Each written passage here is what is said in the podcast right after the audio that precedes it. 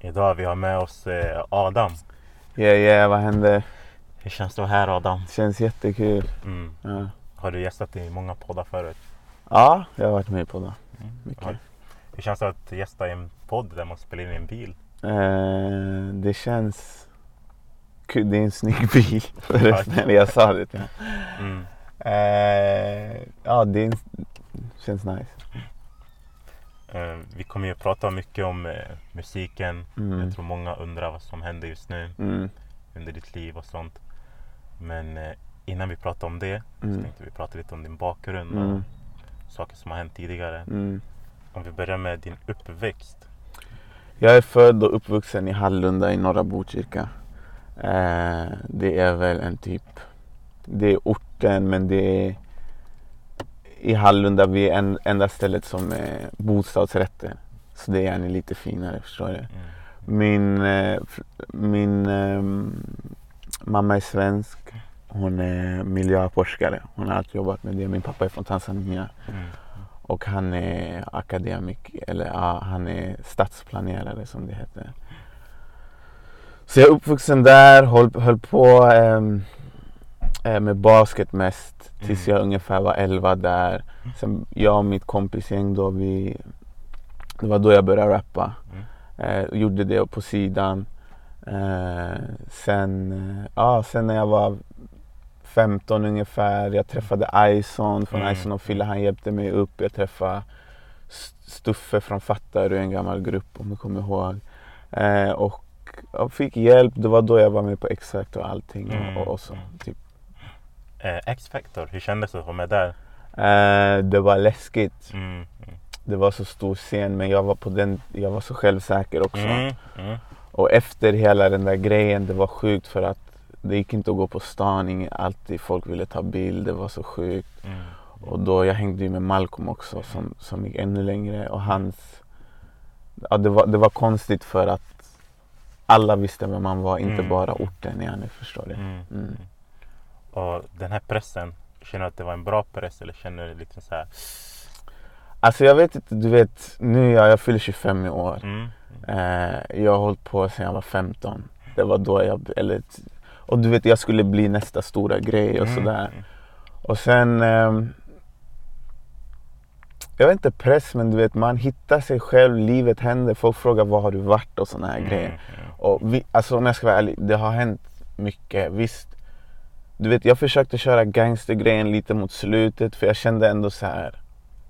Du vet det säljer och Mm. allting men du vet sen jag fattade jag bara shit om inte jag lever sådär på riktigt då Mm. det kommer bli huvudvärk för hela tiden folk ska testa det. Ja, du ser, ja, inga namn ändå. Men du vet, du ser folk bli testade höger, Mm, vänster. mm, Och nu alla de här grejerna du säger i din musik, Mm. nu du måste leva upp till de här grejerna. Mm. Mm. Så, så det var det och så jag fattade inte det. Och det. Sen jag hade också inne i alkohol och droger mycket. Mm. Kokain och alkohol. Det var mycket, var på psyket mycket, var på behandlingshem. Och du vet, folk frågar vad hände? Och det är det du vet, så fort man om man inte har en bra grund att Mm. stå på, Mm. då spelar det ingen roll. Eh, det kommer falla någonstans. Mm. Hur många stjärnor är det inte som nu de är heta, vi Mm. pratar om dig, okej du är bäst, la la la, du är hetast i världen. Och sen folk för bror han försvann, han försvann, han försvann. Okej jag försvann men du vet framgång, det kan inte, om du får framgång på fel sätt, Mm. om du inte är redo, om du blir, du vet det kommer falla till slut. Mm, Du vet. mm. Så, och det är många rappare som dör bror, de blir skjutna i sin egen ort eller någonting. Mm. Mm. Du vet, man måste vara smart och du vet, jag tror att från början min grund var dålig. Okej. För, för min pappa flyttade här, från, tillbaka till Tanzania när jag var 15. Och eh, för att jobba, han fick Mm. ingen jobb här i Sverige.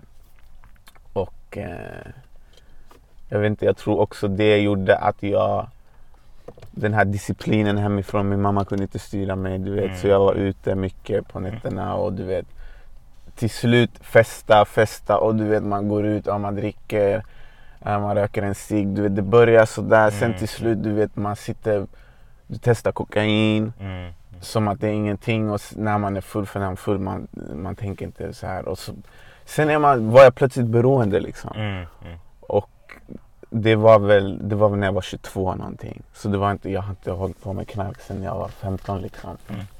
Men man rökte på och så. Och sen plötsligt, det är så här, från att vara en kul grej, Mm, mm. det är plötsligt att det här är först, det kommer först förstår du. Och ja. Shit, det, här var djupa grejer Adam.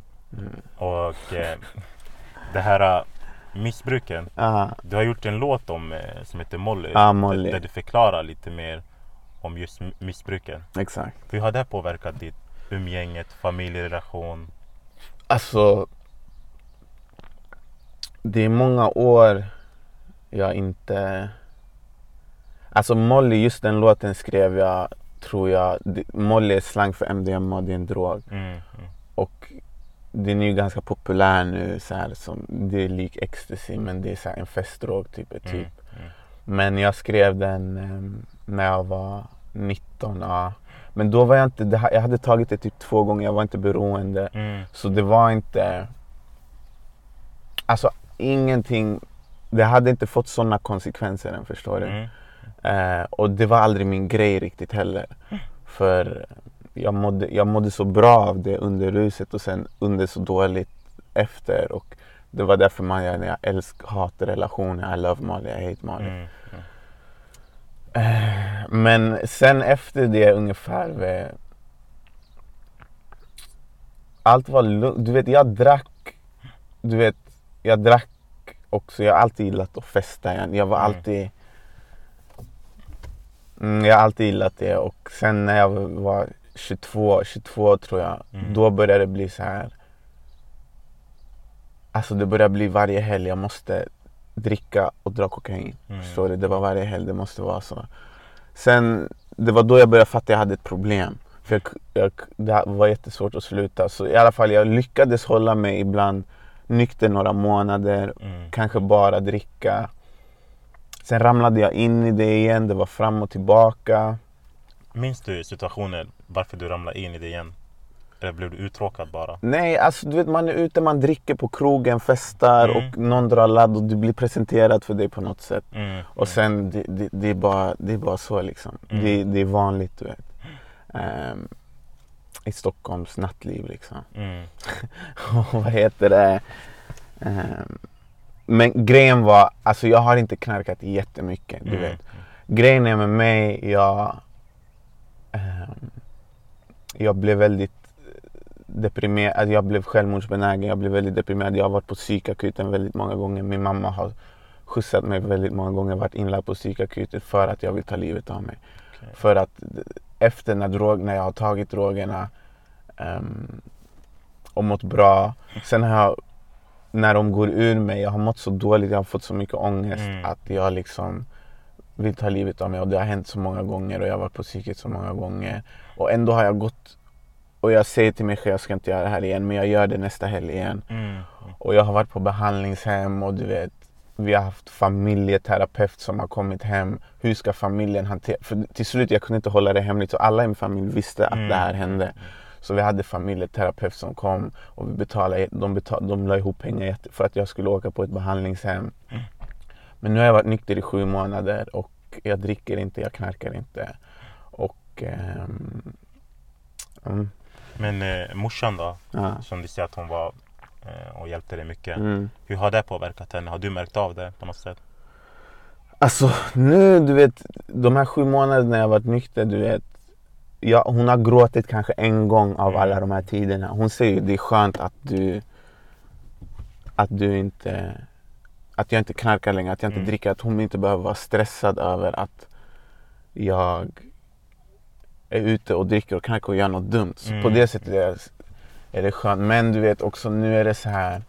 Okej det är bra du är drogfri men vad ska du göra med ditt liv nu förstår du? Mm. Vad ska du sysselsätta dig med? Och grejen är, jag har Sen jag var, jag har aldrig haft ett vanligt jobb. Jag har försörjt mig på musiken till och från, mycket när jag var yngre. Mm. Mm. Men du vet någonstans, det är så här. Ibland kan det kännas sig att det är mitt ego. Mm. Nu har jag börjat söka jobb. För första gången laga jobb. Och du vet det har varit mycket så här.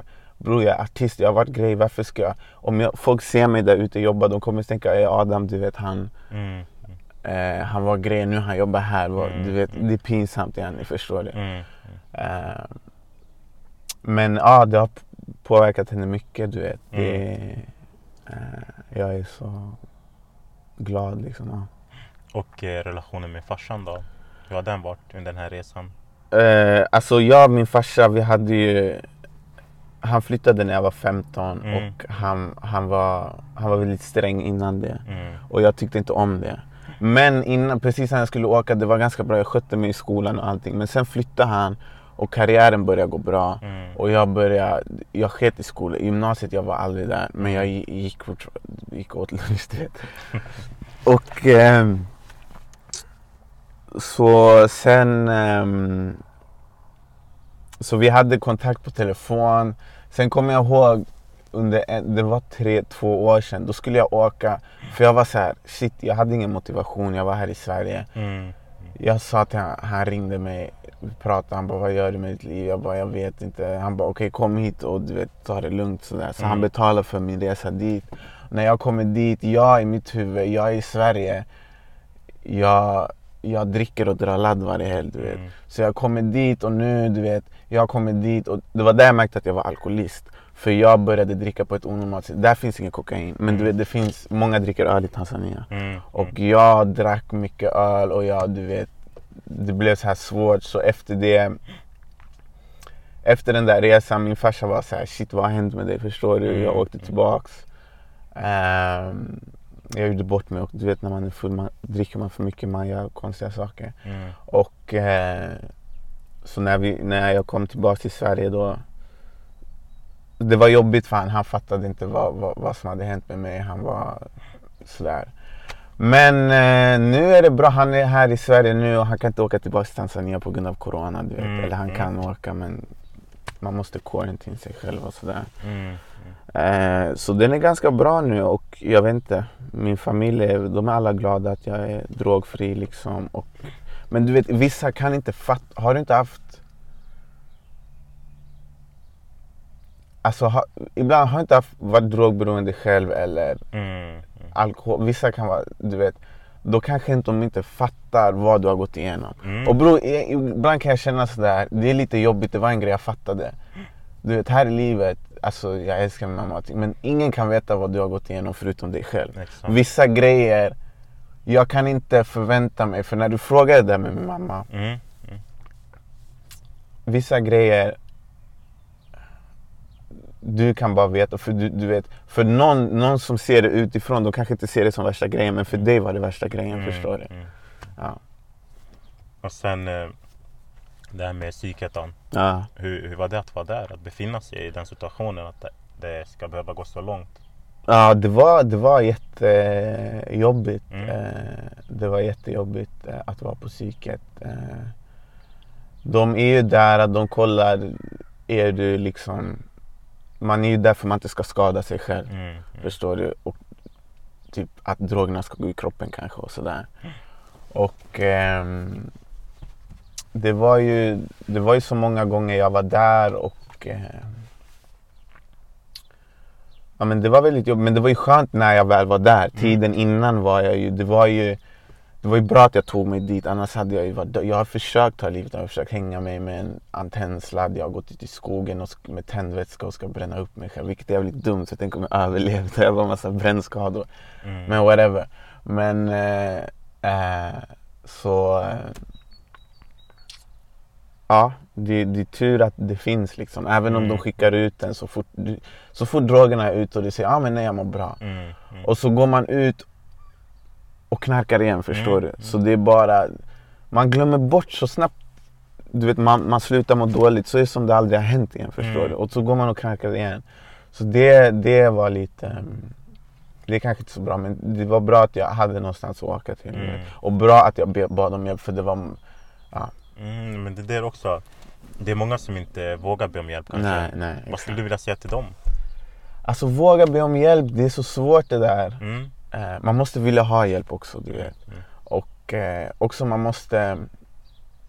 Eh, Ja men be fan. Men grejen var, det var så länge jag ville inte sluta. Jag sa till mig själv, jag dör hellre. Jag tyckte om kokain och cigaretter och alkohol så jävla mycket. Mm, mm. Du vet, jag, jag kände såhär, jag vill inte leva om inte jag... Så det var det och... eh, Och sen också du vet, man känner så här. När man har fuckat upp så mycket till Mm. exempel. När du försöker ditt bästa men ditt bästa räcker inte yani, Mm, förstår du? mm. Eh, Var, det här, var det här inom musiken eller var det inom något annat? Eh, ja, musiken också. Du, man kanske gör musik, det går inte bra. Du vill Mm. verkligen hålla på med musik. Men det går inte bra. Och du vet, man börjar bli äldre nu. Man, man kan inte försörja sig själv. Mm. Och du vet, man ger den här stressen hela tiden till sin morsa. ah, Att man knarkar och hela tiden. Så då kan många känna så här. Det är lika bra om jag inte finns här, förstår du? Okej, För jag pallar inte mm, ge stress till min omgivning. Jag är bara Mm. här, jag är en börda, förstår Mm, du? mm. Och eh, så känner jag inte. Jag känner att eh, det tycker jag är väldigt synd. Mm. Och lite mer om psyket. Du ser själv att övergången att man, man mår bra Mm. och sen så faller man tillbaka. Ja. Om du själv skulle eh, liksom ge tips till de som jobbar på psyket. Mm. Hur skulle du vilja att övergången såg ut när man lämnar psyket? Alltså det, det, det hjälper till att man ska sluta med drogerna. Mm. För det är det som man måste sluta med, eller i mitt fall i alla fall. Mm. Och bättre hjälp på att hur man ska sluta med drogerna, en bättre plan för det liksom. Mm. Men du vet droger är svårt att sluta med. Nu är jag sju månader och eh, jag, jag tänker inte på alkohol och droger så mycket men jag vet inte, du vet. Det, hjälpen att få kanske inte funkar hela tiden. Mm. Mm. Men det är det här när man ska klara sig själv som kanske är det jobbiga. Mm, det är Ty- jobbigt. Tycker du att de ska erbjuda kanske något jobb, praktik? Eh, absolut, det kan vara bra. Mm. Det kan vara bra. För att liksom motivera. Ja. Och eh, jag vet inte om jag tog det här till ungdomarna som Mm. känner att de sitter med droger eller något sånt. Mm. Vad skulle du vilja säga till de ungdomarna? Alltså, sök hjälp, be om hjälp. Mm. Och det är också... Alltså jag känner typ alkoholen, om du är drogberoende, du vet, eller tar kokain eller något, du vet alkoholen. Ja, jag vet det, det är ofta så mycket för när man dricker, Mm. många, det här är många, så fort man dricker man ringer sin becknare eller någonting för man vill ha ladd. Mm. Och eh, jag tror man måste katta ut alkoholen också tror jag. Mm. För, I mitt fall, och det är många som är så. Det är det jag skulle säga. Och, och be om hjälp liksom. Och, Mm. eh, ja. Sen finns ju 12-stegsprogrammet. Alltså, jag går inte på möten så längre men AA, anonyma alkoholister och anonyma kokainister, anonyma eh, eh, narkomaner. De har möten och så. Mm. Och man gör ett 12-stegsprogram och det kan vara bra och eh, söka upp sig till också. För det, det har hjälpt mig väldigt mycket. 12 steg är svårare program eller? Eller tuffare? Eh, nej, alltså jag tror all, all, eh, all, eh, all drogrehabilitering i hela världen använder 12-stegsprogrammet. Mm. För, och 12-stegsprogrammet var det kom till på 40-talet. Det är från, du vet, de sitter i, du har sett på filmer kanske, man säger ja, jag heter Adam, jag är alkoholist, exakt, narkoman och de applåderar om man, man tar tid och sådär, Mm, ett mm. när man blir nykter och så. Ja.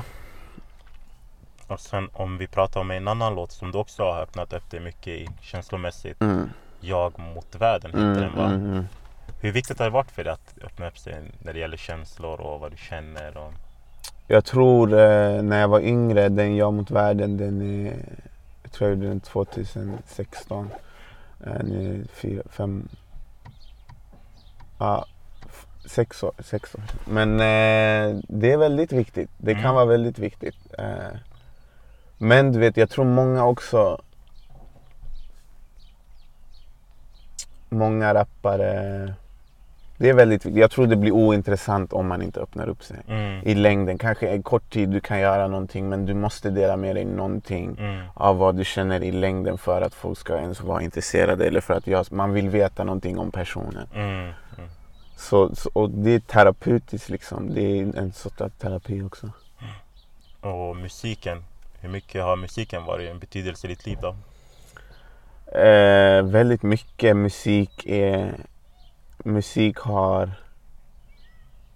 räddat mig för jag kommer ihåg sist den här nyk nykterhetsgrejen har varit en, en lång process för mig. Mm, mm, Eh, Men jag kommer ihåg ungefär för ett år sedan var jag på en eh, ODZ-konsert. Vet du vilka det är?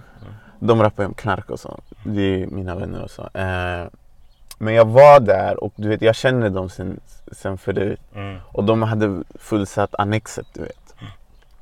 Eh, och eh, jag hade inte gjort musik på flera månader. mm, Jag var inte inspirerad. Jag bara, vad ska jag prata om?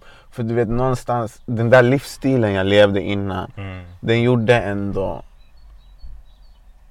Alltså många artister säger väl att de gjorde sin bästa konst när de mådde som sämst. mm, inte mådde som sämst men att...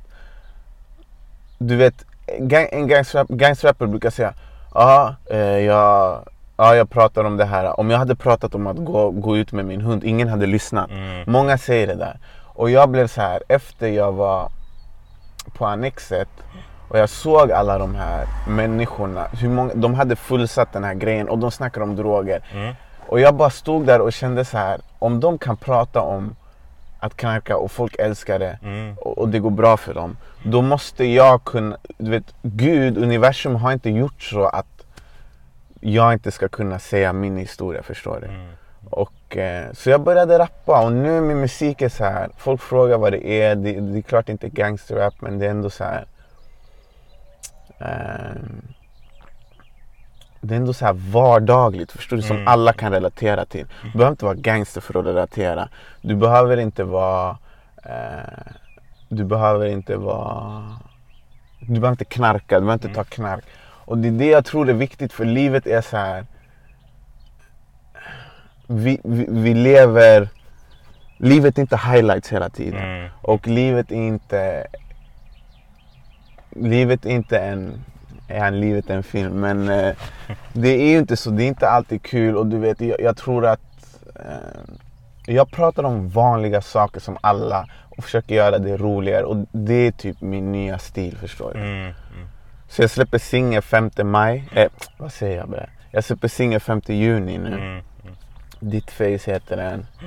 Så det, det är lite så här, jag är tillbaka låt. Mm, Yani.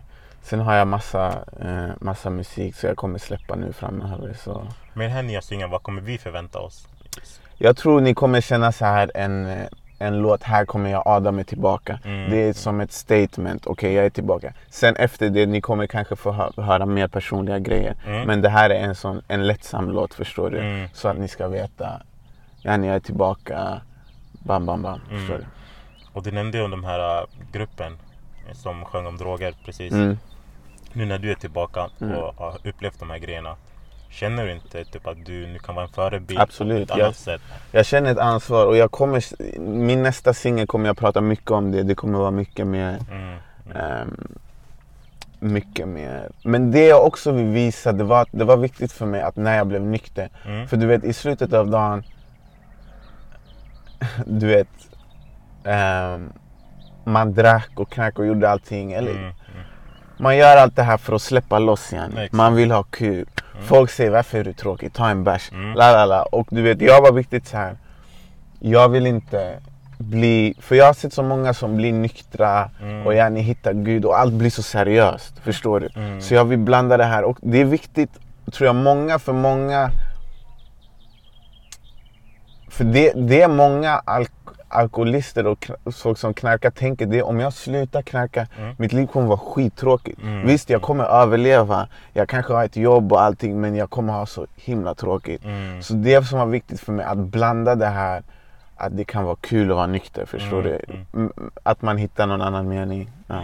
Men här kommer också lite in med grupptrycken. Mm. Du har ju levt under, alltså, under en värld där det är mycket grupptryck. Som, eh, Känner du, hur känner du kring det? Eh, ja, grupptryck är svårt du vet. Vissa, vissa vill inte när... när eh, vissa gillar inte när man gör en, en förändring till det bättre. Och du Mm. vet också så här.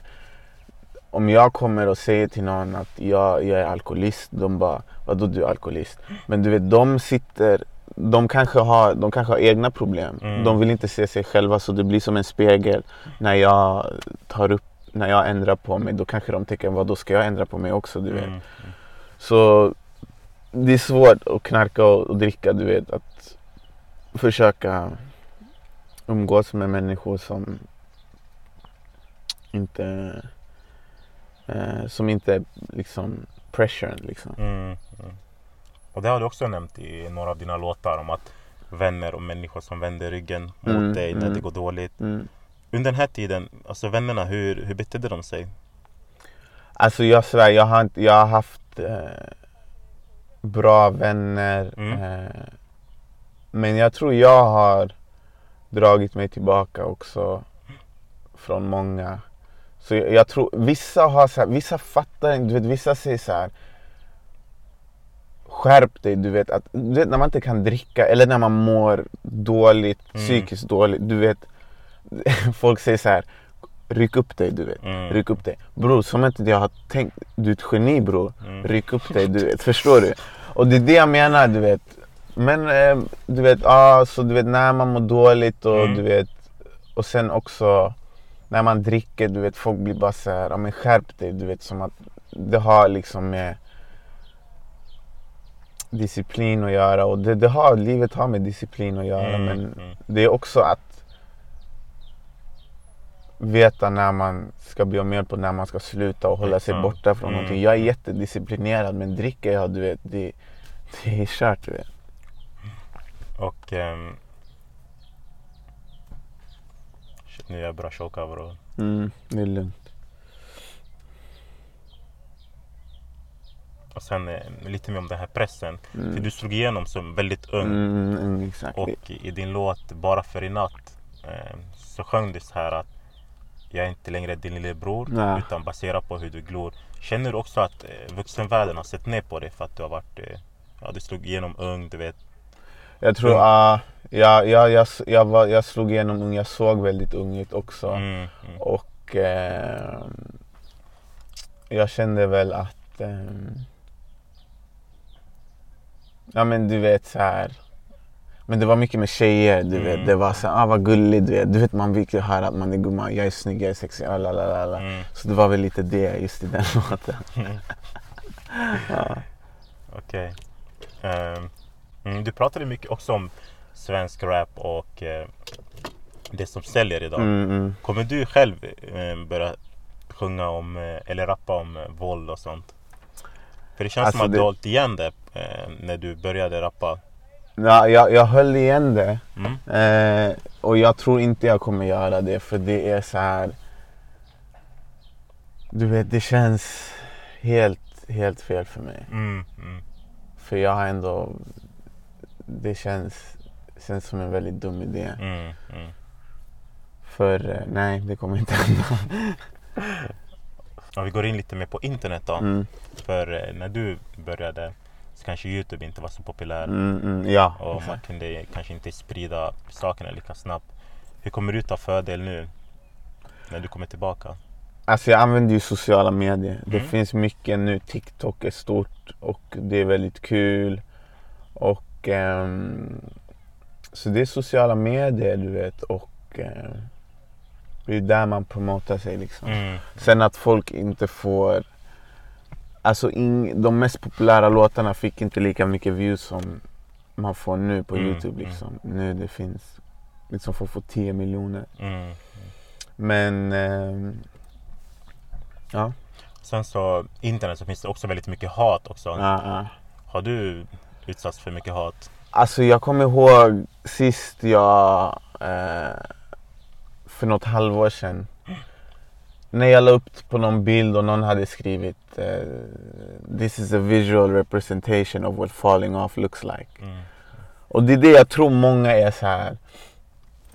Du vet, okej jag är inte, eh, jag, var, jag var popping back in the day, nu är jag inte popping längre. Mm. Och du vet att det där ska få mig, och jag blir bara så här, jag svarade med ett hjärta till honom. Exakt. Och jag visade, för jag visade så här, bror jag har inte, om du har tid att sitta och skriva såna här grejer till mig, Mm. Mm. då jag blir bara så här.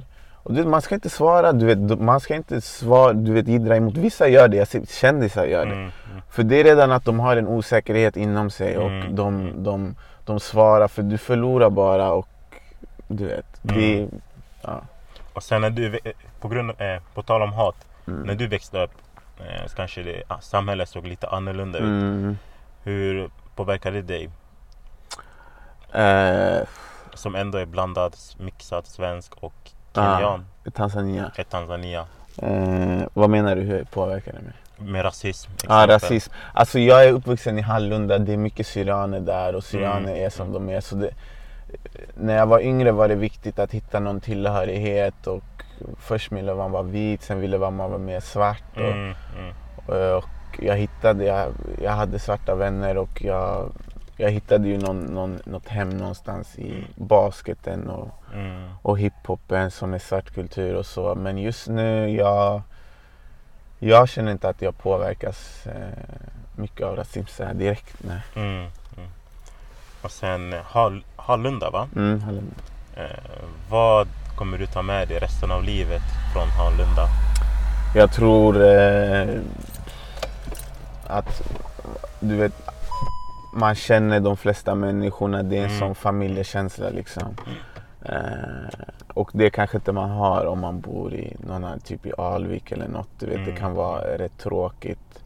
Så det är, allt, det är liv, att det är liv. Och jag tror lite så här att jag inte är så uptight och stiff och sådana där grejer. Mm. Att man ska kunna inte ta sig själv på stort allvar och sådana där grejer. Och vad tycker du att eh, samhället borde bygga där som de inte har? Eller politikerna? Eh, Det är en bra fråga. Ehm, Någonting som du saknar kanske när du var ung? Om du känner det skulle vara bra om de tog hit. Jag tror alltid ungdomsgårdar är bra att Mm. satsa på sånt. Det är för att hjälpa ungdomarna. Mm, absolut. Mm. Bra fråga. Och sen prata, alltså just det där med droger och alkohol och droger och prata Mm. om sånt liksom. Vad det kan leda till. Jag har typ slut på frågor. Mm. Har du någonting du skulle vilja tillägga? Alltså, det du berättade är också väldigt berörande. Mm. Den här tiden som du har varit borta då. Mm. Och nu tror jag att många kanske får svar Mm. på varför saker och ting har sett ut som det har gjort. Exakt. Och är det någonting du skulle vilja tillägga utöver det du har sagt? Eh, nej, alltså du vet, lyssna på, följ mig på sociala medier, Mm. Adam X Kanyama på Insta, ni hittar mig. Och håll utkik på vad som kommer och jag kommer också prata om mitt beroende och sådär, allt, allt dåligt som har hänt. Mm. Eh, så ni kommer få höra det också. Ja, det var allt med Adam. Jag, Mm. vet, jag sitter helt be berörande. så det är så här, man har följt det länge och Ah. när du berättar det här, det, det, blir, det berör. Mm. Så jag tackar för att du ställde upp Ja, och gästade. tack för att fick komma brorsan. Ciao. Ciao. Ja, det blir rätt eh, känsligt när jag hör den här låten för sist jag, jag har inte lyssnat på den här låten sedan förra sommaren. Och det var när jag skulle... Jag hade lyssnat på den under en period. Sista gången jag lyssnade på den var när jag var på väg. Jag hade bestämt mig att jag orkade inte vara nykter mer. Jag skulle gå och köpa kokain och jag satt i taxin och lyssnade på den här i högtalaren. Så jag har varit rädd att lyssna på den här låten. Jag tycker jag älskar den men jag har inte, för den har varit, väckt så mycket minnen för mig. Mm, mm. Så nu, nu var första gången jag lyssnade på den på kanske ett år. Och Hur känns det? det var, jag var rädd för hur det skulle kännas. Mm. Men det, det, känns, det känns bra, det känns okej. liksom. Det känns som jag är glad att jag är, inte är där i livet längre. Det är skönt att höra. Mm.